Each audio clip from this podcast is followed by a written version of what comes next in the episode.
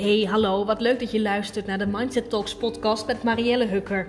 Waarbij inspirerende mensen aan het woord komen over hoe zij met de kracht van hun gedachten een ander leven zijn gaan leiden. Ik hoop je te inspireren om de regie over je leven te gaan nemen, zodat je beter met tegenslagen om kunt gaan en meer zingeving en groei gaat ervaren. In deze podcast ben ik in gesprek met Tanja Notenborn. Tanja is ademcoach en Tanja helpt onder andere mensen met het reduceren van stress. Tanja heeft zelf het een en ander meegemaakt en heeft ervaren wat ademhaling met je doet. Hoe belangrijk een goede ademhaling is. Ik kan me heel goed voorstellen dat als je luistert, dat je denkt: ja, maar ademen, dat doen we toch allemaal en dat gaat automatisch. En hoezo heb je daar een ademcoach voor nodig?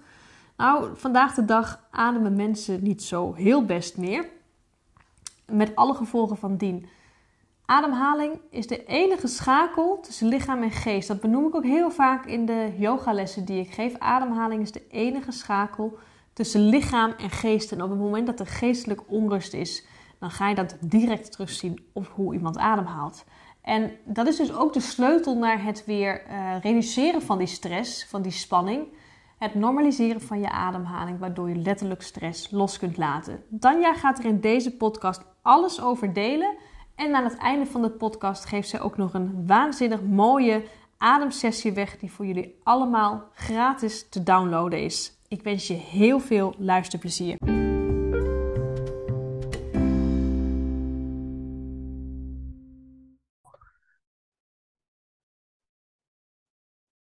Nou, uh, vandaag weer een nieuwe podcastaflevering en dit keer is uh, Tanja te gast. Tanja, jij mag jezelf even voorstellen. Ja, hoi, ik ben Tanja Notenborn Nikolic en ik ben ademcoach, stress release coach.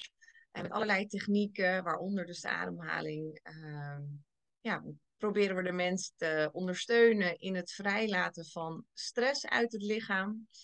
Uh, en niet alleen dat, maar we kijken ook naar de oorzaken samen van waar komt het nou vandaan.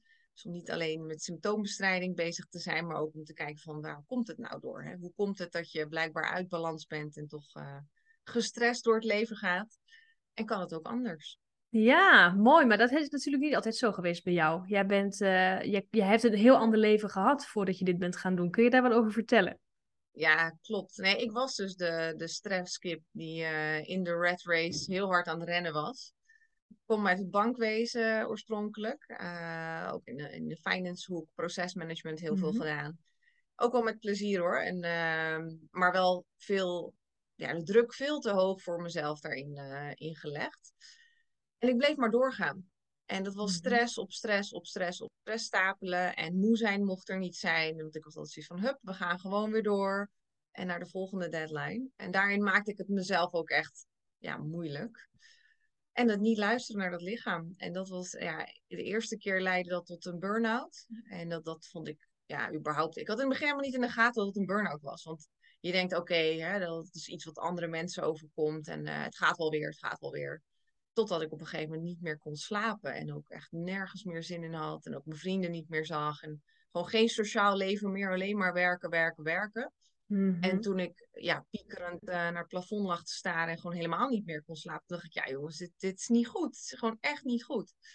En later pas dacht ik, oh, dit waren burn-out klachten. Hè, dat was, uh, toen, later pas viel dat kwartje. Ja. ja. Nou, en daarna uh, kwam ik daaruit en ben ik toch weer doorgegaan. Met weer niet naar mijn lichaam luisteren.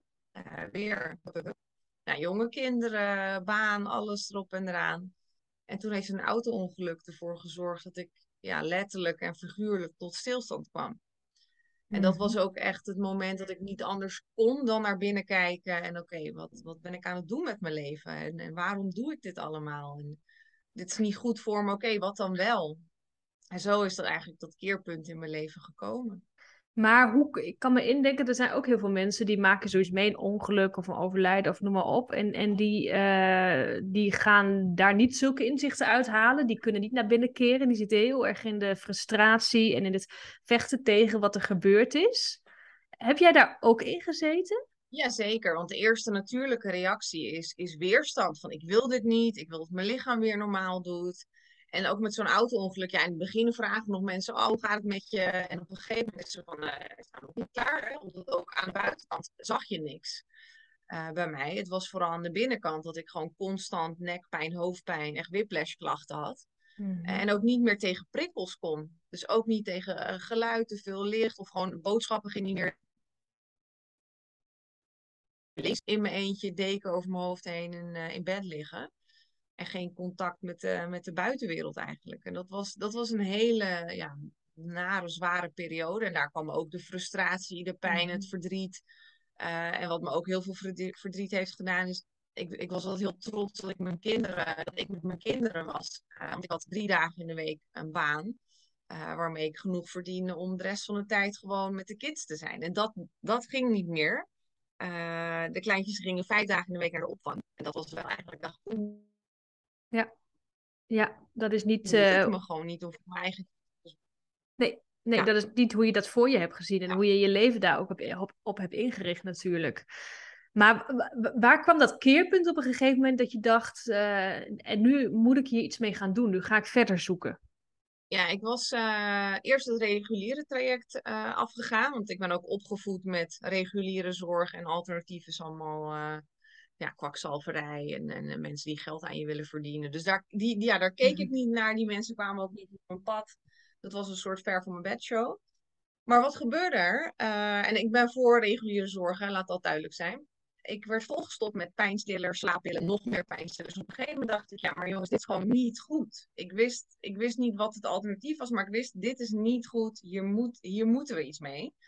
Ik wil niet de rest van mijn leven eh, alleen maar nog meer pijnstillers, nog meer slaappillen slikken. Nee. En toen ben ik uit wanhoop eigenlijk ook allerlei andere therapeuten gaan, gaan zoeken. En ja, is die beweging ontstaan om daar verder te kijken dan wat, wat ik gewend was, zeg maar. Ja, precies. En, waar, en toen ben je uiteindelijk bij ademcoaching terechtgekomen? Ja, ook. Ook. En dat was uh, ja, heel bijzonder. De eerste keer dat ik dat deed, dacht ik, wauw. En uh, mijn hele lichaam begon ongecontroleerd te trillen en te shaken. Uh, en op dat moment was dat een trauma wat loskwam, uh, wat ik één keer eerder had meegemaakt. En dat was bij de bevalling van de tweede. En als je mhm. mij vraagt, was dat een traumatische bevalling? Zou ik zeggen, nee hoor, dat ging prima. Het meisje is gezond en wel geboren. En uh, het ging nog sneller dan de eerste bevalling. Dus in mijn hoofd aan wel. Ik geloof überhaupt dat we stress en spanning in het lichaam opslaan en meenemen.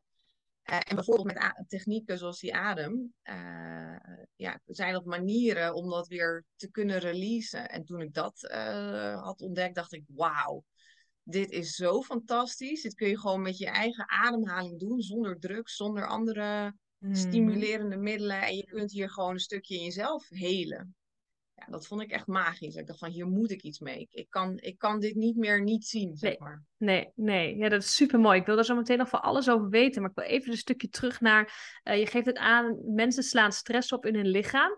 Kun je eens vertellen hoe, hoe dat gaat? Hoe gaat het in zijn werk? Wat wordt er opgeslagen? En wat gebeurt er op het moment dat we daar te lang mee doorlopen? Ja, nou, ik geloof dus dat, dat, dat bij dieren ook zo werkt. Als je kijkt dat een tijger die hebben heel veel stress op dat moment. Maar als dat klaar is en ze hebben het overleefd, dan gaat hun lichaam heel erg shaken, hè? Dat, dat, dat, trillen. En dat is een manier om, om die stress weer te releasen, zeg maar.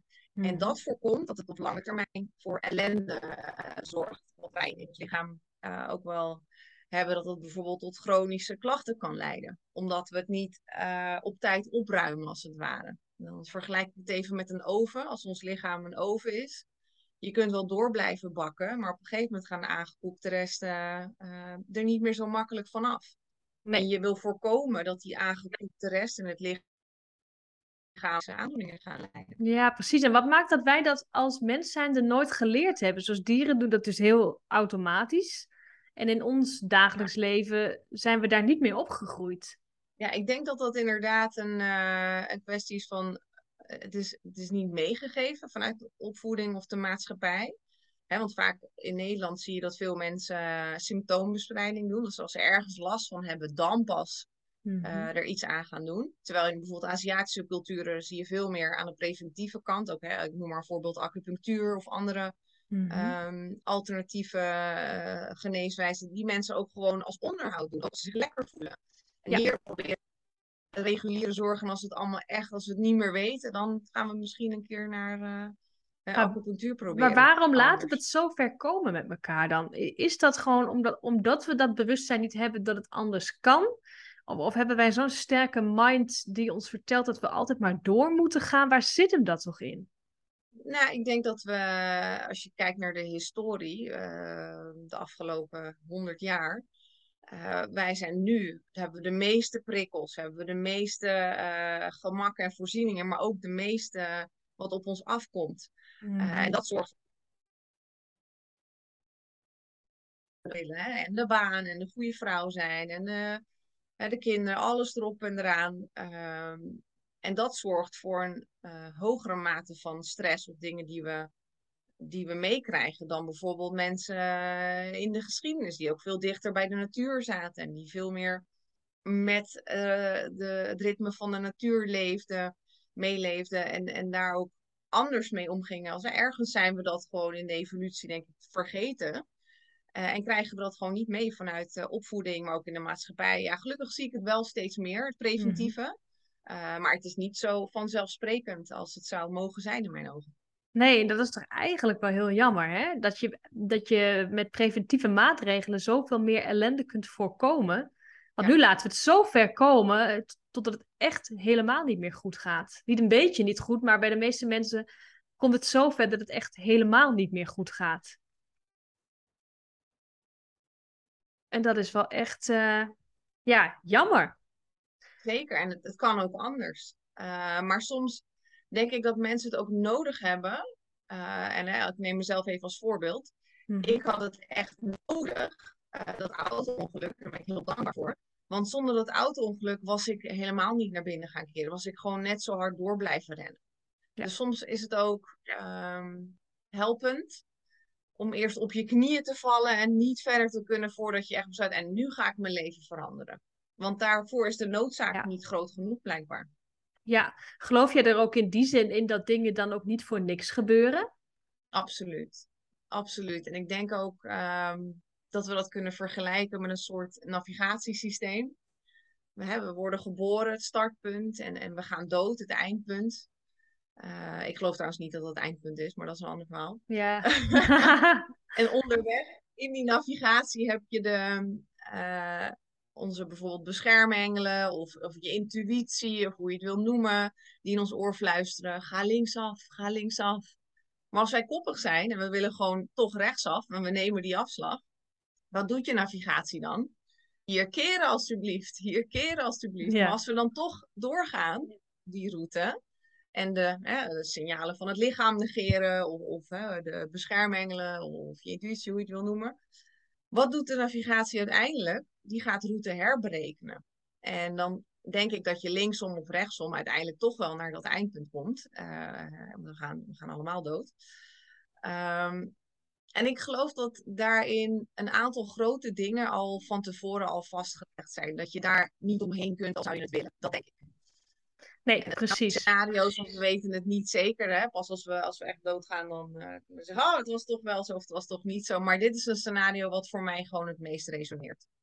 Ja, precies. En ik kan me ook indenken dat je in tijden dat het, dat het allemaal voor de wind gaat en dat het goed met je gaat, dat je dat ook wel op die manier zo kunt zien. Maar jij hebt natuurlijk heel recent een, een verschrikkelijke gebeurtenis meegemaakt. Kun je het dan ook op zo'n moment nog steeds zo zien? Of heb je zoiets van, uh, ja, ik, ik begrijp gewoon niet waarom dit nou weer gebeurt? Uh, dat is een hele mooie vraag. En daar heb ik ook echt uh, mee gezeten, uh, recent. Want mijn neefje van zeven is verongelukt uh, mm-hmm. en overleden, begraven in Servië. En dat was verschrikkelijk, want kinderen wil je niet nee. hè, dood zien gaan of begraven. Dat, dat is echt gewoon hard, ja, hartverscheurend. Ook om dat te zien in de familie en wat dat doet met de ouders en de opa's en oma's. En gewoon zoveel verdriet en leed wat daarvan komt. Maar ik geloof wel dat het zijn tijd was om te gaan. Ik denk dat dat op zielsniveau al bepaald is. En dat, mm ja, dat dit toch erbij hoort, zeg maar. En dat maakt me niet immuun voor het verdriet en voor, voor wat, er, wat er allemaal vrijkomt. Maar het maakt wel dat ik anders naar het leven eh, kijk. Misschien vanuit een ander perspectief dan voorheen in mijn leven. Toen ik hier mhm. nog helemaal niet in, uh, mee bezig was. Ja, precies. En dat, kijk, het zal niet schelen in je verdriet, want ik denk dat het verdriet minstens zo groot is. Maar ik kan me wel indenken dat het jou wat uh, lichter maakt in het rouwproces. Het maakt het wel draaglijker. En ja. uh, wat ik daarin ook heel helpend vind, is het sprookje van de dood. Ik weet niet of... Uh, ja, die ken ik. Van Marie-Claire van der Brugge, die vind ik ook echt een hele mooie om, ja, wat ik zei, het draaglijker te maken. Dus het maakt je niet immuun voor de dood en voor het verdriet. Maar het is dus wel een helpend perspectief in mijn ogen. Ja, en sowieso, hè, ook voor de mensen die luisteren, die misschien dingen meemaken of die net dingen hebben meegemaakt. Het wil niet inderdaad zeggen dat, het, dat de pijn minder erg is. Maar door op deze manier in het leven te staan, kan ik me heel goed voorstellen dat het allemaal wat, ja, wat, wat, wat lichter wordt voor jezelf om daar door te komen. Door er op die manier naar te kijken. Want als je elke keer kijkt naar het is allemaal zinloos en waarom moet mij dat nou weer overkomen? Uh, en ik heb altijd die pech dan uh, leg je het zo buiten jezelf en dan heb je er ook geen invloed meer op. Ja, en op zich vind ik dat heel interessante als je dat uh, dus vaker hebt. Dat je denkt, oh, waarom heb ik dit nou weer? Waarom overkomt me dit? Ja.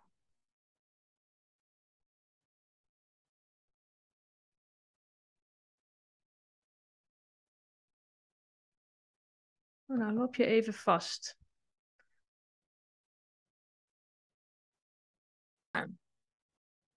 Kun je dat nog even een keer herhalen, Tanja? Jij liep vast bij mij. Uh, ik weet niet of dat uh, op de opname ook zo meteen is, maar... Uh...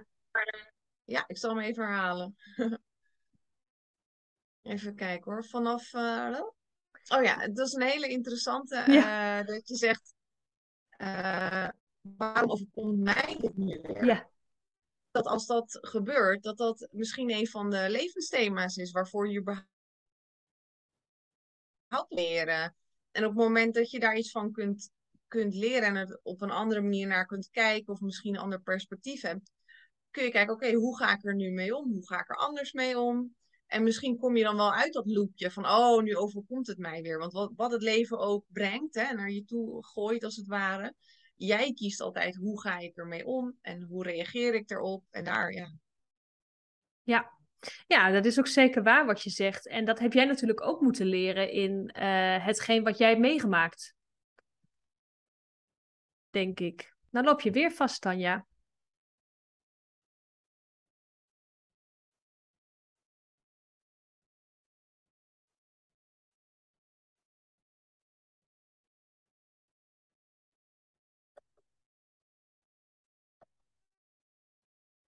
Yes. Yes. Um, ja, dit heb jij natuurlijk zelf ook dit proces moeten doorlopen. Hè? Heel vaak tegen de lamp gelopen en, uh, en uiteindelijk dus uh, een auto-ongeluk nodig gehad om weer op jouw route terecht te, uh, te komen. Heb jij, um, nu je dit zo terugziet, ook, ook, ook door wat jouw route gaat zijn in dit leven? zie jij afslagen beter nu? Um, nou, ik denk dat dat ik voorheen veel meer zat op dat, hè, de maakbaarheid van het leven. En nu word ik daar steeds bescheidener in en denk ik, oké, het leven is eigenlijk iets wat, wat zich ontvouwt. Mhm. En het pad wat ik nu loop, uh, kan morgen misschien heel anders zijn. Of over een tijd, hè, want ik uh, ontwikkel daarin in zelf ook, in die, in die nou, innerlijke ontwikkeling, om het zo maar uh, te noemen. En zolang het goed voelt en zolang het resoneert, zal ik dit blijven doen. Um, maar ik kan niet voor de toekomst en denken, oh, dit, uh, dit zal ik voor altijd blijven doen. Ik denk wel dat uh, wat ik nu doe, vind ik op dit moment zo leuk om als zou rijden. Ja, ik word hier echt blij van. Het voelt ook helemaal niet meer als werk wat ik doe. Um, omdat ik, ja, dit, is gewoon wat ik het liefste doe. En ik kan ook niet wachten om uh, na de vakantie er weer mee aan de slag te gaan. En ik heb op mijn omgeving mensen die zeggen, zei je dat nou echt? Ik, ik, ik hoor dat nergens, dat je zo'n zin hebt om weer te gaan werken. Ja. ja. ik vind dit gewoon leuk wat ik doe. En dat is ja, ja iets moois. Maar dat is ook eh, omdat je je passie hebt ontdekt. Iets wat bij jou past, wat vanuit jou komt. En uh, dan resoneert dat ook gewoon heel sterk. Maar wat nou want ik herken ook wel een beetje wat, wat jij zegt in, in, de passie die je voelt. Maar ik hoor ook heel veel mensen zeggen, waaronder ik zelf nu ook in dit proces zit, dat je wat je doet nog heel leuk is. Je haalt er nog wel energie uit. Maar ergens voel je, er gaat iets aankomen. Er, er moet iets gaan veranderen of er, er knaagt iets. Wat zou jij mensen adviseren om uh, ja, daarmee te doen? Dus hè, jij hebt bijvoorbeeld Nou, een auto-ongeluk gehad. Ja, daarmee te doen is. Oh, wacht even, nou hoor ik mezelf de hele tijd. Maar je hebt het, dat auto-ongeluk gehad. eh, maar er zijn natuurlijk ook mensen die zich heel bewust zijn van eh, dat er dingen eh, triggeren. Dat er afslagen zijn waar je naar moet luisteren misschien. Dus je, hoor, je hoort het wel licht, maar het is misschien nog niet helder genoeg. Snap je wat ik bedoel? Ja, ja, en ik denk dat het heel goed is voor, voor iedereen om eigenlijk eens in de zoveel tijd een soort ehm heroriëntatiefase in te lassen, waarin je gewoon voor jezelf even nagaat, oké, connecten met jezelf, eh, in de natuur, stilte opzoeken, weg met de telefoons en alle prikkels en de social media. En gewoon kijken, oké, wat, wat voel ik? Wat wil ik? Waar word ik blij van? Een beetje reflecteren op wat heb ik gedaan en wat vond ik leuk om te doen en wat vond ik niet leuk? Waar was het echt een energy? Ehm, wat wil ik niet meer? Gewoon om even een soort pauzeknop in te drukken en Mhm. gewoon even stil te gaan staan. En nu is daar ook uitgerekend een mooie periode voor, want we gaan natuurlijk naar de herfst en de winter, eh, waarin de natuur ook weer naar binnen keert. Dus ik zou iedereen van harte willen uitnodigen om met het seizoen mee te leven van de natuur en ook dat zelf ook in Ja. jezelf mee te doen. Ja. En wat eruit komt, dat weet je vaak niet van tevoren. Eh, en dat maakt ook niet uit als het maar gewoon vanuit jezelf komt. En daar kunnen weer nieuwe perspectieven ontstaan en, en misschien wel hele andere keuzes. Want kleine keuzes in het nu, die kunnen op lange termijn Mhm. wel tot hele andere ja, eh, richtingen leiden. Ja, ja, precies. Precies. Dat, daar zag ik gisteren nog ergens een. eh, die deelde dat toch? Volgens mij was het. Ik, ik weet het even niet. Misschien. eh, ik dacht dat het Cherry was, maar ik weet het niet heel zeker. Dat het, dat het ook als je een, eh, een vliegtuig hebt, bijvoorbeeld. En die. Oh nee, ik heb het in een boek gelezen. En die, die wijkt 1% af van zijn route. Dan kom je echt heel ergens anders terecht. Dan wanneer je gewoon die route blijft volgen. Dus die kleine keuzes, ook al denk je, het is, het is heel minimaal eh, wat ik aan verandering aanbreng. Dat kan jou wel uiteindelijk heel ergens anders brengen, inderdaad. Ja, zeker. Als die, die 2 millimeter, als je met een eh, geweer ergens op gaat richten Ja, en je gaat 2 millimeter van richting veranderen, met het mikken, dan komt de kogel totaal ergens anders uit. En zo is het in het leven ook. Als je kleine andere bewegingen maakt, eh, kan dat zomaar ineens tot een hele andere plek leiden. ja, ja. Even terug naar jouw eh, auto-ongeluk. Eh, want jij bent niet ineens van daaruit. Ja, dat, dat is natuurlijk het begin voor jou geweest. Maar je bent niet ineens van daaruit het werk gaan doen wat je vandaag de dag doet. Hoe, is dat er, hoe heeft dat eruit gezien, de tijd die daartussen gezeten heeft? Ja, nou eerst was ik eh, totaal niet in staat om te werken of om wat dan ook te doen. Eh, ik had al gedoucht en dan was ik moe. Hè, zo zag mijn dag eruit. Of had ik één kind aangekleed en dan was ik moe. Dan moest ik uitrusten. Dus ik kon eigenlijk helemaal niets meer. Eh, maar op een gegeven moment, na alle therapieën, therapeuten te zijn geweest. En ook in het alternatieve en in het reguliere circuit overal te zijn geweest. Op een gegeven moment eh, daar dus wel die zelfheling. En toen dacht ik, oké, ik was daar zo van onder de Mhm. indruk dat ik ook dacht, ook, hier moet ik naar kijken. Dit, dit kan gewoon niet anders. En dat was voor mij ook één grote heroriëntatie, waarin ik voor mezelf eruit was, oké, wat ik nu doe, dat ga ik in ieder geval niet meer doen. Maar wat dan wel, ik weet het nog niet. Dus ik ben toen ook eh, naar kantoor gegaan en heb aangegeven, jongens, ik, eh, ik stop ermee. Ik weet nog niet wat ik ga doen, maar dit in ieder geval niet meer. En toen dacht ze ook van, joh, die, die, die is niet helemaal lekker. Het is prima wat mensen denken. Ik, eh, ik ga gewoon uitvogelen wat ik wel wil. En daar heeft, eh daar achteraan zijn vier jaar eigenlijk eh, hebben gevolgd, waarin mijn man zei van, joh, eh, ga maar kijken wat je, zo gek eigenlijk in, in de zelfhulpboeken en cursussen, als een soort cursusjunkie ingedoken om alles te lezen en, en, en te doen wat ik, wat ik leuk vond. En echt daar ook in mezelf te graven en, en, en met mijn eigen shit geconfronteerd te worden, zeg maar. En toen dacht ik na, na een aantal jaar van oké, dit is zo leuk, dit wil ik ook doorgeven aan mensen. En de dingen die, die bij mij hebben geresoneerd, die mij geholpen hebben, kijken of daar andere mensen ook op aangaan. En zo eh, ja, heeft dat vorm gekregen en van allerlei hè, dingen die je tegenkomt op je pad, neem je wat mee wat je leuk vindt, wat bij je past. En uiteindelijk wordt, wordt dat een soort nieuwe mix en, uh, en iets ja, nieuws. Precies. En, en, en, en, was dat voor jou gelijk duidelijk dat dat een, in de vorm van een eigen bedrijf zou zijn? Of is dat ook zo gegroeid? Dat je zelf enthousiast werd van de dingen die, uh, hè, die jij meemaakte. En misschien dat je dat uh, hè, als tip andere mensen eens meegaf. En, en, die daar dan ook weer wat aan hadden. Hoe, hoe is dat uh, gelopen? Dat, dat je uiteindelijk dus een heel succesvol bedrijf hebt neergezet? Ja, en ik wilde het ook heel graag in mijn eigen bedrijf doen. Gewoon mijn eigen ding doen, zonder dat ik ja, verantwoording af hoef te leggen aan iemand anders. Dat ik het gewoon helemaal vorm kon geven zoals ik wilde. Ik heb in het verleden ook wel een aanbieding gehad om, uh, om voor iemand anders mijn werk zeg maar, te doen, maar onder een ander label. Dat wilde ik niet. Dus ook niet voor heel veel geld. Want ja, het is toch een beetje, het voelt als mijn kindje en mijn, uh, ja, mijn ding wat ik graag wil doen. En, en ik wil dat ook graag onder mijn eigen naam doen. Dus dat, uh, dat was voor mij wel een hele heldere. Ik wil dit voor mezelf doen. En überhaupt ben ik ook wel opgevoed met, uh, nou, we gaan het gewoon proberen. En als het niet lukt, kan ik altijd nog iets anders gaan doen.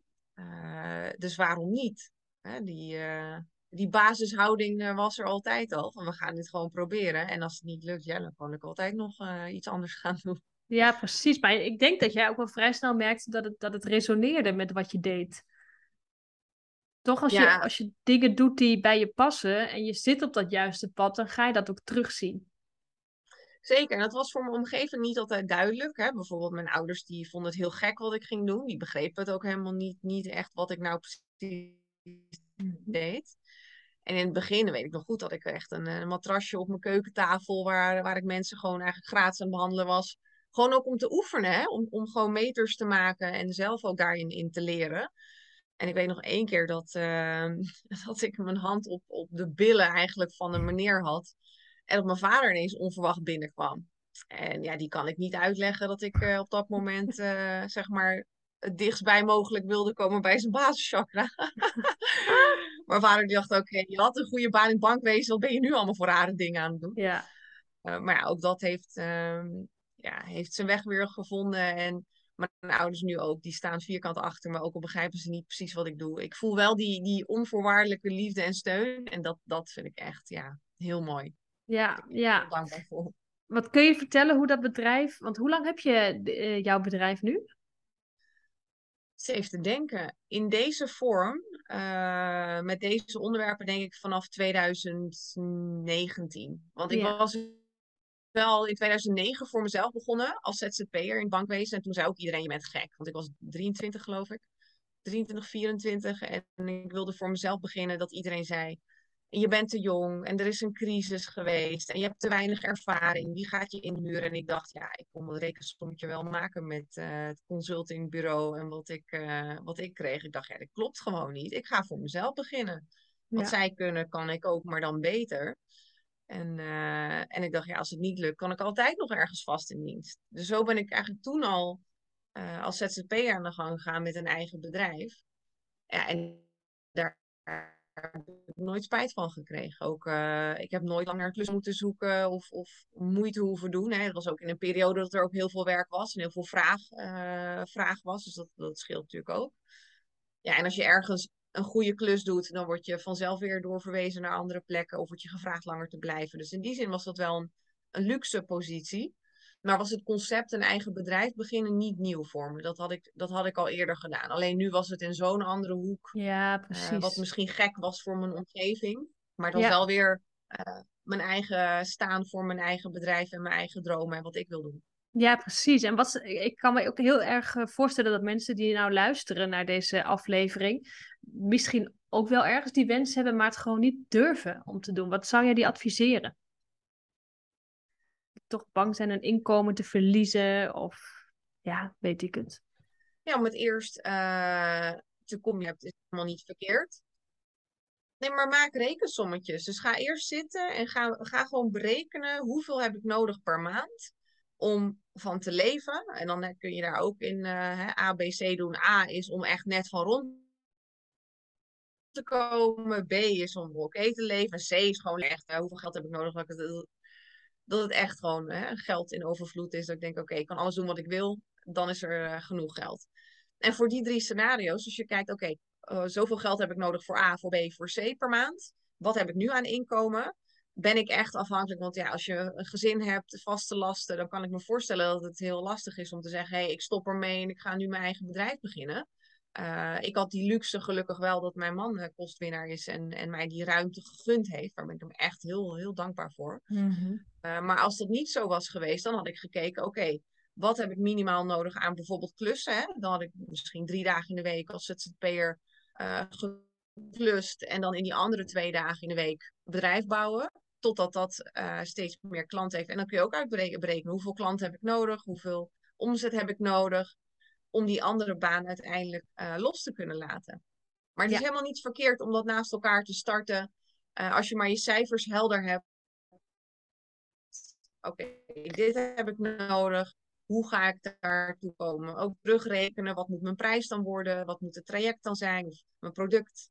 Om toch stappen te maken. Ja, precies. En, en uh, is het dan bij jou ook zo geweest dat toen je dat rekensommetje gemaakt, dat je dacht, oké, dit is reëel, dit, is, dit uh, voelt niet heel moeilijk. Stel je voor, uh, ik heb drie klanten in de week nodig. Nou, dan kan ik me indenken dat je zegt, dat, dat is reëel, dat gaat wel lukken. Maar misschien komt uit het rekensommetje wel, ik noem eens, dat je de 500... Ik... Ja, wat zeg je?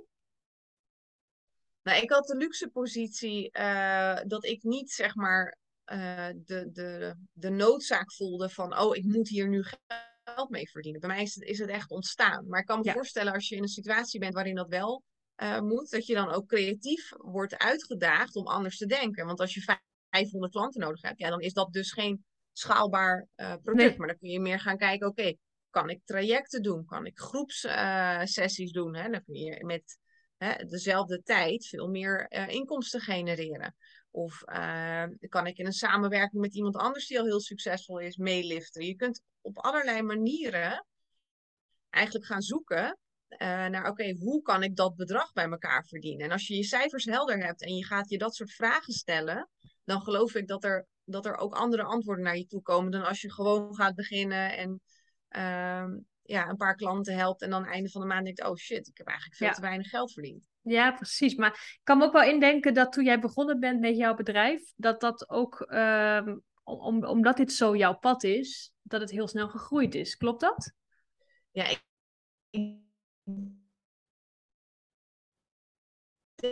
denk als je dingen doet die de bedoeling uh, meewerkt, zeg maar. En daarmee wil ik niet zeggen als iets niet lukt dat je meteen moet opgeven. Want ook daarin geloof ik echt dat een stukje doorzettings en een stukje staan voor wat je, wat je wil doen, uh, dat dat echt helpt. Maar als je keer op keer op keer, ja, het lukt niet, het lukt niet, het lukt niet, ja, dan heeft het denk ik wel zin om te kijken, oké, uh, is dit wel voor mij? Is dit mijn pad wel? Uh, of welke omstandigheden heb ik nodig om wel succesvol daarin te zijn? en als het de bedoeling is, dan gaat het zelf stromen, lopen. En als je, als je doet wat je leuk vindt, waar je echt van houdt, waarin je gelooft, dat je denkt, dit maakt de wereld een beetje mooier. Ja, dan, dan geloof ik dat het universum meewerkt en dat het je ook uh, ja, makkelijker wordt gemaakt. Ja, ja, geloof ik ook zeker in. Ja. Um, en dan wil ik even naar jouw werk toe, want uh, welke klanten help jij op dit moment? Met welke hulpvragen komen mensen bij jou? Ja, vaak is het toch als mensen hè, spierspanning of gewoon stress ervaren of niet meer kunnen slapen of gewoon zo vastlopen. En, en dan denk je, ja, oké, dit, dit is het niet, maar wat dan wel? Ik heb geen idee. Uh, dat zijn de klanten die, uh, die naar me toe komen. Of klanten die nu nieuwsgierig zijn, die denken, hé, hey, ik heb uh, zulke mooie ervaringen. En dat gaat echt van downloads van hogere zelf, tot aan contact met overledenen, tot aan ik weet niet wat allemaal. En dat kunnen best wel spectaculaire verhalen zijn. Uh, maar uiteindelijk is het heel persoonlijk wat iemand meemaakt en wat, wat, wat daar mag gebeuren. Mm -hmm. ja, en mensen willen het soms gewoon een keer uitproberen om te kijken, oké, okay, hoe is dat uh, om het ja. een keer te doen? Want ja, een adem ademsessie is de ene ademsessie een andere ademsessie niet. Vaak ook als ik vraag aan mensen, oh, heb je wel eens ademwerk gedaan? Dan uh, zeg oh ja, bij de yoga gingen we een keer anders ademen. Of dan denk ik, oh ja, maar dit is niet wat ik bedoel. hè? En, uh, dit weet je als je dit hebt meegemaakt. Als je een keer in, in die staat bent geweest. Ja. Daar hoef je niet over na te denken. Nee, nee, dat is ook zo. Dat is, ik heb het zelf natuurlijk een aantal keer meegemaakt bij jou. Dus uh, ik, ik weet hoe bijzonder die ervaring is. Dat je ook denkt van, hè, ben ik daar zelf toe in staat om dit uh, te creëren of, of, om hier te komen? Ja, dat is heel bijzonder. Dat is heel anders dan mediteren, wat ik met de yoga-cursisten doe. Dat, dan kom je niet in zo'n staat. Ja, en het is, het is allemaal waardevol. Want ik geloof ook dat je met yoga en meditatie ook in die staat kunt komen. Uh, sterker nog, volgens mij hebben de meeste uh, verlichte mensen zijn volgens mij uit de stroming van de, van de yoga gekomen. Ja, klopt. Dus ik geloof dat dat echt wel kan hoor, ook met andere methodes. Alleen ja, deze was eentje die, uh, die voor mij echt meteen resoneerde. Ik dacht, ja, oh, dit, dit is helemaal fantastisch. Ja, ja, mooi. Kun je eens vertellen over uh, een aantal bijzondere gebeurtenissen die je hebt meegemaakt met, met klanten, zonder dat je daar natuurlijk uh, gegevens over deelt of zo, maar gewoon even globaal? Wat, wat, wat, wat, ja, wat kunnen mensen verwachten? Ja, aan de ene kant wil ik voorzichtig zijn met dingen beloven. Hè? Want dan gaan mensen daarop hopen als ze komen. En dan uh, denk, zijn ze teleurgesteld dat ze dat niet hebben meegemaakt. Want dat willen ze graag ook. Uh, maar aan de andere kant, ja, er, er zijn wel ontzettend veel mooie verhalen. Um, een dame over in contact kwam en die daar echt een gesprek mee had. Um, ik had laatst ook een vrouw die, uh, die haar ogen opeens opendeed en, en een gesprek voerde met haar overleden moeder. Uh, dat ik ook dacht van wauw, wat, wat gebeurt. Ik, ik, zag dat er iets bijzonders uh, gaande was, maar ik wist niet wat er gebeurde. En dat vertelde ze. Dat was heel mooi om, om te zien. Ik heb ook mensen meegemaakt die bijvoorbeeld een angst hadden voor water en niet zo goed wisten hoe dat nou, hoe dat nou kwam. En mhm. in een ademsessie uh, meegenomen naar een voorgaand leven waar de, hè, verdrinking plaats heeft gevonden. Oh, dat, dus dat komt daarvan, de aardbare angst voor water. Um, ja, er zijn zoveel mooie voorbeelden. Begeleid jij daar ook in als mensen met een bepaald thema komen? Hè? Als ze zeggen van ik heb angst voor water en ik wil eigenlijk heel graag weten waar dat vandaan komt. Uh, zet je de ademsessie dan op een andere manier in dan dat je anders zou doen? Ja, ik geloof dat um, wat heel goed werkt, is met een vraag de ademsessie ingaan. Met een intentie. Mm -hmm. uh, en dat dat het onderbewuste als het ware helpt worden en, en, reikt dat aan. Mm -hmm. uh, maar uiteindelijk is dat geen garantie voor wat er op dat moment mag gebeuren. Want ik geloof dat ieder die dit doet, krijgt wat hij nodig heeft, nooit meer dan die aan kan. Dus, dus, ik vertrouw het proces helemaal, dat ongeacht wat de vraag is of wat de intentie is, dat er gebeurt wat er mag gebeuren. Uh, maar ik denk dat het helpend is om die vragen en intenties mee te nemen. Dus als je met zo'n vraag rondloopt, dan uh, kun je de ademsessie zelf doen en neem die vraag vooral mee. Volgens ja. mij gaan we de link delen. Ja, precies, precies. Wij gaan aan het einde van de podcast, uh, dan uh, gaan we ook nog heel even uitleg geven over hoe dat precies werkt. Want dan kunnen mensen ook zo'n ademsessie van jou gaan uh, beluisteren of gaan doen, om het maar even zo te zeggen. Maar hoe zit het bij jou zo'n, als je één op één mensen begeleidt, hoe, hoe, ziet, hoe ziet dat er bij jou uit? Komen ze bij jou even een kopje koffie, thee, even praten en ja. dan gaan ze liggen en dan begeleid jij ze van A tot Z of, of moeten ze eerst huiswerk doen? Ik kan me indenken dat mensen die dit voor de allereerste keer doen, toch ook wel een beetje overvallen worden door de heftigheid van de, het ademen? Ja, dat zou kunnen. Ik geef ze geen huiswerk van tevoren mee. Ik vraag ze wel wat de intentie is. Wat ze, komen doen. Waar zit iemand nu? Wat heeft hij nodig? Uh, wat zie ik al? Uh, ja, eigenlijk echt gewoon een, een, meer een, een intro-gesprek, zeg maar. En dan, uh, als ik live één op één met mensen ben, vind ik dat heel leuk om af te strijken. Hè? Zo met die handen helemaal langs het lichaam, alle, alle kanten af te gaan. En dat is eigenlijk een manier om even weer tot jezelf te komen. En, mm -hmm. uh, dat kan ook middels een scan. Hè? Als ik een groep doe, dan doe ik het wel eens met een, een lichaamscan. Dan uh, sluit je ogen, beweeg je tenen en zo het hele lichaam door. Maar als ik één op één doe, dan vind ik dat heel prettig om daarmee te beginnen. En dan vraag ik iemand om te liggen en ogen te sluiten en volgens de verbonden ademhaling techniek uh, te ademen. En daarna is het altijd heel intuïtief. Dus de ene keer stel ik vragen of, of uh, koppel ik wat er daarvoor in een gesprek heeft uh, plaatsgevonden of wat al is aangereikt. En soms voel ik echt van oké, ik hoef hier niets te zeggen. De, de, dit is helemaal goed zo. Uh, of zie ik iemand liggen echt in totale innerlijke rust. En dan denk ik, oké, hier wil ik helemaal niet aankomen. Dit is zo mooi. Ja. ja, dus dat is ook weer heel persoonlijk hoe zo'n sessie verloopt. En dan ben ik gewoon op de achtergrond wel aanwezig. Ja, absoluut. En daarna nog napraten. Hè? Hoe was het? Hoe heb je het ervaren? Wat voelde je? Wat gebeurde mm -hmm. er? Uh, en ik adviseer mensen altijd daarna om te journalen. Gewoon opschrijven. Want het kan ook later heel, heel handig zijn in het proces om dat te doen. Ja, ja, precies. En als we het dan hebben over gewoon ademen. Nu hebben we het over de verbonden adem. Dat is een ademhalingstechniek waar jij je cliënten mee begeleidt. Maar als we het gewoon puur hebben over de adem. Ik heb uh, laatst ergens gelezen, maar het is ook wel een overtuiging die ik zelf heb. Dat ademhaling een steeds prominentere plek in de samenleving gaat krijgen. Hoe kijk jij daar tegenaan? Ja, en dat zou mooi zijn. Ik denk dat uh, ademwerk heel mooi is en, en heel, ik vind het heel fascinerend ook. Het is het eerste waarmee we geboren worden en het laatste hè, wat we doen als ja. we doodgaan. Dus ik, ik denk dat het uh, verbonden is ook met alles, met alle emoties die we voelen. Hè? Want uh, ga maar na, als je heel boos wordt of heel blij of, of wat dan ook. Het eerste wat verandert is je ademhaling, want dat is gewoon verbonden met al die emoties en de de staat waarin we, ja. waarin we zijn. Of als je kijkt naar kinderen, vind ik het ook heel mooi om te zien hoe kinderen van nature een hele mooie ademhaling hebben. En die ademen vaak allemaal door hun neus, tenzij ze verkouden zijn en dat lukt niet.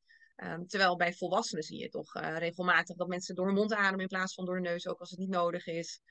En dan uh, denk ik, ja, er valt best wel veel winst te behalen nog. Of om gewoon meer ademruimte te creëren in, uh, ja. in ons eigen lijf. En eigenlijk is het ook best wel gek, want ik krijg die reactie wel eens van mensen die zeggen van, maar hoezo ademwerk? Je ademt toch gewoon? Ik bedoel, dat gaat toch ja. vanzelf? Daar hoef je toch niks voor te doen? Waarom, ja, hè, waarom zouden mensen zo'n ademsessie of zo doen? En toch is het tegelijkertijd ook zo dat we er allemaal zo mee worstelen. Ja, ja, en ik was zelf ook zo iemand, hè. Dus ik was zelf degene die zou zeggen, hé, hey, ik adem al mijn hele leven prima. Ik heb echt geen hulp nodig met ademen. Nee. Um, maar het heeft echt mijn leven veranderd. En het is, ik kan het, ja, hoe kan ik het omschrijven? Het is soms gewoon net als uh, high worden van de drugs, maar dan zonder drugs. Ja. Sorry, ik een beetje... een beetje verkouden, dus, maakt niks uit. uh, even af en toe uh, neus snuiten tussendoor. ja. Ja, dus ja maar... het, het, heeft mijn leven veranderd. En ik kijk nooit meer hetzelfde naar ademwerk als daarvoor. En ik kon me absoluut niet voorstellen uh, wat het met je lichaam uh, kan doen. En mijn moeder ook niet. Het was leuk. Ik had uh, laatst een, een groepsbijeenkomst in het Van der Valk Hotel in Utrecht met, nou, wat was het, 66 man. En ik had mijn moeder meegenomen, die kon kijken. En die had dus nog nooit gezien wat dat kan doen met mensen. En die zag in de zaal mensen die aan het lachen waren, mensen die aan het huilen waren, mensen die gingen dansen, mensen gingen schreeuwen. uh, sommige mensen waren helemaal kramp en dat vond ze er een beetje paniek naar me toe van, oh Tanja, die man ademt al heel lang niet meer. Nou, ik keek naar die man en ik zei, het ging prima hoor. Die, uh, die gaat vanzelf weer ademen als het weer tijd is. Maar die kon zich niet voorstellen dat dit allemaal alleen met ademen kan. Zeg, ja, waarom huilen ze dan zo? Zeg ja, er komen gewoon emoties vrij. Of, of trauma's die opkomen, of herinneringen. Um, ja.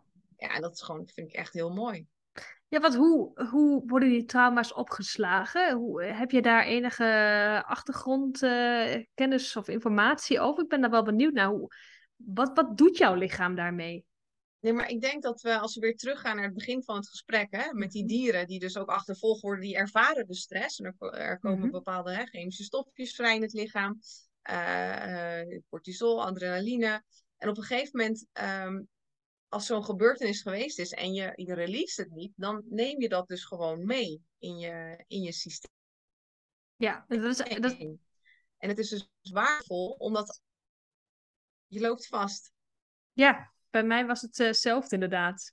Ja. ja, maar dat klopt. Dieren releasen zich. Wij mensen doen dat niet. Uh, stel je voor dat dieren het ook niet zouden doen, dan zou je dus ook in het dierenrijk heel veel gestreste dieren gaan zien. Ja, dat denk ik wel. Want als het niet kwijt uh, kan en niet kan stromen, dan gaat het vastzitten. En dan krijg je daar vroeg of laat krijg je daar last van. En is dat ook, want ik zeg dat met de yoga wel eens, het eerste waar je aan, uh, aan merkt vaak, op het moment dat er stress is, is dat de ademhaling verandert. Omdat het de enige verbinding is tussen lichaam en geest. Ja, ik denk dat je heel veel aan de ademhaling kunt aflezen. En ook als je kijkt naar bijvoorbeeld hoeveel ademhalingen heb je per minuut. En dat kan iedereen thuis gewoon bijhouden zelf. Hè. Zet je telefoon timer op een minuut. Pak een blaadje en een pen en maak boogjes met hoe je om, met inademen omhoog, met uitademen omlaag. Totdat die minuut vol is. Dus je maakt eigenlijk boogjes op je blaadje. En aan het einde van een minuut ga je tellen hoeveel boogjes je hebt gemaakt. En zijn dat er dan meer dan zeven, dan geeft jouw lichaam eigenlijk aan, ik heb te veel stress hè, in, in, het, in het lijf. En ook al ervaren mensen het soms niet zo, want ik heb ook vaak genoeg meegemaakt dat mensen zeggen, oh nee hoor, ben niet gestrest, gaat hartstikke goed, gaat prima. En dan ga je die ademhalingen per minuut tellen en denk je, wow, nou je lichaam zegt iets heel anders. Ik geloof daarin dat het lichaam uh, zeg maar niet liegt.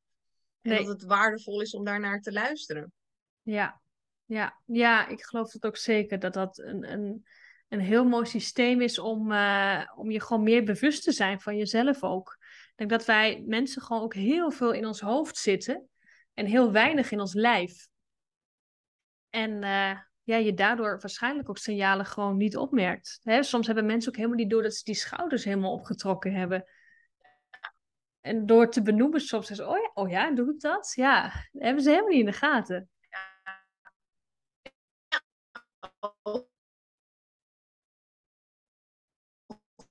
Soms het front zo aan het fronsen zijn. Ja. Dat uh, valt me ook echt op, ja. Ja, ja, precies. En als je die bewust bent, dan weet je het natuurlijk ook niet. Hè? Iets waar, je, waar, wat je niet, niet ziet, dat, dat is er ook niet. Dus dat stukje bewustzijn is, is enorm belangrijk. Heb jij, Tanja, nog een bepaalde missie met jouw werk? Of zeg je van, nou, ik vind het leuk, het werk wat ik nu doe, dat, uh, dat blijf ik gewoon zo doen? Of zeg je van, nee, maar ik heb ook echt wel uh, het idee om dit straks in Nederland uit te gaan rollen en ademhaling een, hele belangrijke plek uh, te geven?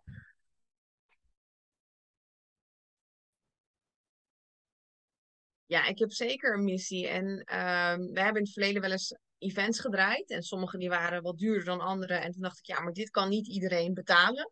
Zit mhm. je echt in een andere doelgroep. En toen dacht ik, hoe kan ik het, bereik, hè, zeg maar het bereikbaar maken, het laagdrempeliger maken voor iedereen? Uh, nou, ik heb die gratis ademsessie online gezet. Die kan echt iedereen doen die dat, uh, die dat wil. Probeer het vooral een keertje uit. Want ik kan wel zeggen dat ik lekkere taartjes bak. Maar uh, best is als jij het taartje proeft en zelf beoordeelt. Of je het lekker vindt op mijn platform aan het creëren op dit moment. Met allerlei modules daarin. waarmee ik ook hoop het bereikbaar te maken voor de mensen die er last van hebben. En die daar wat ondersteuning in zoeken. En als dat in Nederland staat, dan ben ik zeker van plan om ook internationaal te gaan. Ja, oh, dat zijn wel hele mooie grote dromen die je hebt. Ja, ja en dat, ja, het voelt gewoon ontzettend goed om, uh, om hieraan te bouwen en te werken. dus ja, ik, ik ben hier gegeven.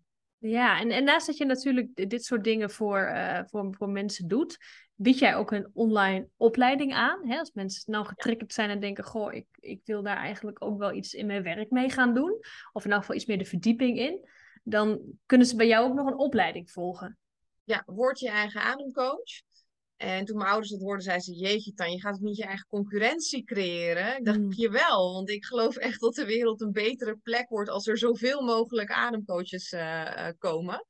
En ja, in de eerste plaats natuurlijk voor jezelf. Want ik geloof dat je alles eerst op jezelf mag proberen en oefenen voordat je het kan doorgeven aan, uh, aan anderen. Uh, maar dan kun je het voor jezelf leren, maar ook oefenen met andere mensen en technieken doorgeven. Uh, zodat je ook een ademsessie kunt begeleiden en, en kunt doen. Ja, ja, mooi. En over die events gesproken, heb je binnenkort nog iets in de planning waarvan je zegt, als, als mensen zich daarvoor willen aanmelden, dan is er binnenkort nog iets? Nee. Nee. Nee, en ik heb ook gezegd, ik ga geen nieuwe events meer plannen totdat mijn online platform staat. Mm waarom? Omdat ik altijd heel veel liefde, tijd en aandacht stop in, in allerlei details in zo'n event. En dat, dat brengt mijn focus helemaal weg van het online platform creëren.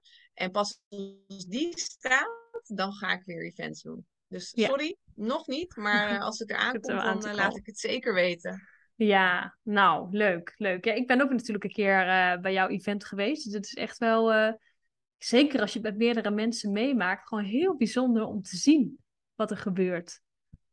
Wat vond je daarin bijzonders? Misschien nou, leuk voor de luisteraars die er niet bij waren. Ja, ja nou dat je dus... Uh, kijk, op de eerste plaats natuurlijk bij jezelf wat het met je doet. Maar als je in een groep zit waarbij uh, bijvoorbeeld mensen gaan huilen of gaan schreeuwen, dan, dan voel je je wat minder geblokkeerd of zo. Kijk, ik kan me indenken als ik één op één bij jou op de tafel zou liggen, dan zou ik denken, ja, ik ga hier nou niet uh, vreselijk huilen, want dat, dat, is, dat is heel stom. En in zo'n groep, dan heb je toch een beetje die, die groepsdruk of zo, die dat dan om, omlaag haalt, voor mij in elk geval. Je denkt, oh ja, iedereen doet het, dus boeien.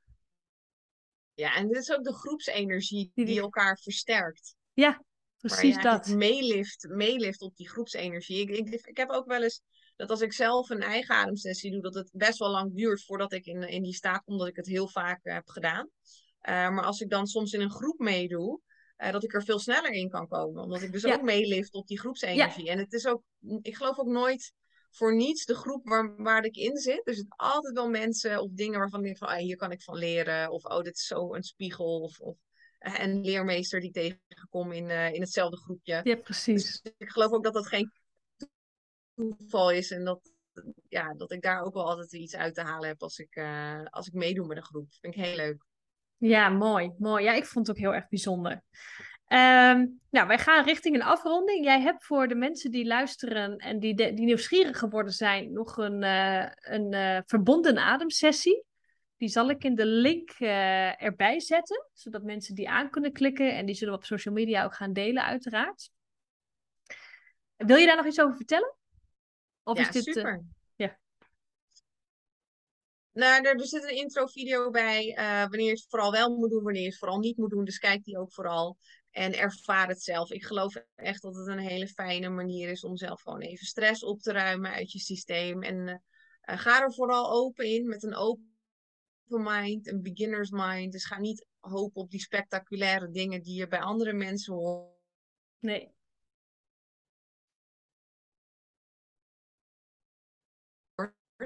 Maar vertrouw er echt op dat jij krijgt wat jij neemt. Ja, precies, precies. Ja. ja, je liep heel even vast, dus ik was even, even aan het luisteren van... Uh, oh, ja. Moet hij opnieuw? Nee, hij hoeft niet opnieuw. Hij, hij heeft als het goed is wel opgenomen. Dus uh, nee, dat is fijn dat je daar nog even tekst en uitleg bij geeft. Want ik kan me indenken dat mensen die nog nooit iets met adem of ademwerk gedaan hebben... zich ook totaal niet kunnen voorstellen uh, ja, wat dit precies is. Dus dat is leuk dat je dat als cadeautje er zo bij geeft... dat mensen dat kunnen downloaden of te, kunnen gaan doen zometeen. Dat is ik denk heel waardevol voor heel veel mensen. Heb jij, uh, Tanja, nog een uh, afsluitende boodschap voor de luisteraars? Dan zet ik je misschien even een beetje voor het blok, maar heb je nog iets waarvan je zegt, dat hebben we nog niet besproken, of, of dit, dit zou ik eigenlijk nog heel graag mee willen geven? Nou eigenlijk uh, de tip van zorg alsjeblieft goed voor jezelf en luister naar dat lichaam. En ik hoop dat de luisteraars niet eerst een naar de signalen en om daar gewoon alvast tijd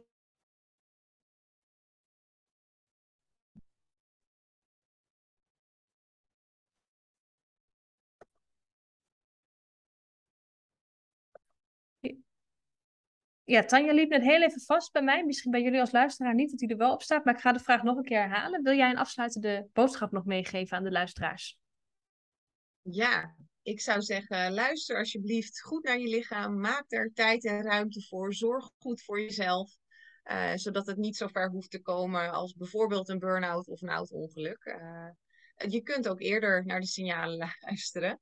En uh, ja, als dat de eindboodschap is, zorg alsjeblieft goed voor je lichaam.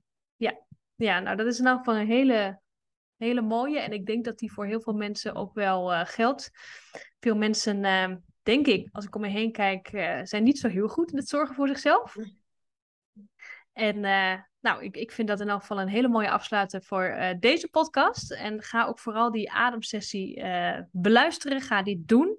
En ga ook ervaren hè, wat dat uiteindelijk met, je, met jouzelf, met je lichaam, met je geest gaat doen. Want ik denk wel dat als je dit vaker doet, je heel veel gaat opruimen en ook gaat releasen en, en het daardoor ook niet zo ver laat komen uh, dat het uiteindelijk uitmondt in een burn-out bijvoorbeeld. Zijn dit soort dingen hele mooie tools voor om het gewoon zelf te gaan doen. Dus dankjewel voor het luisteren en uh, tot een volgende aflevering.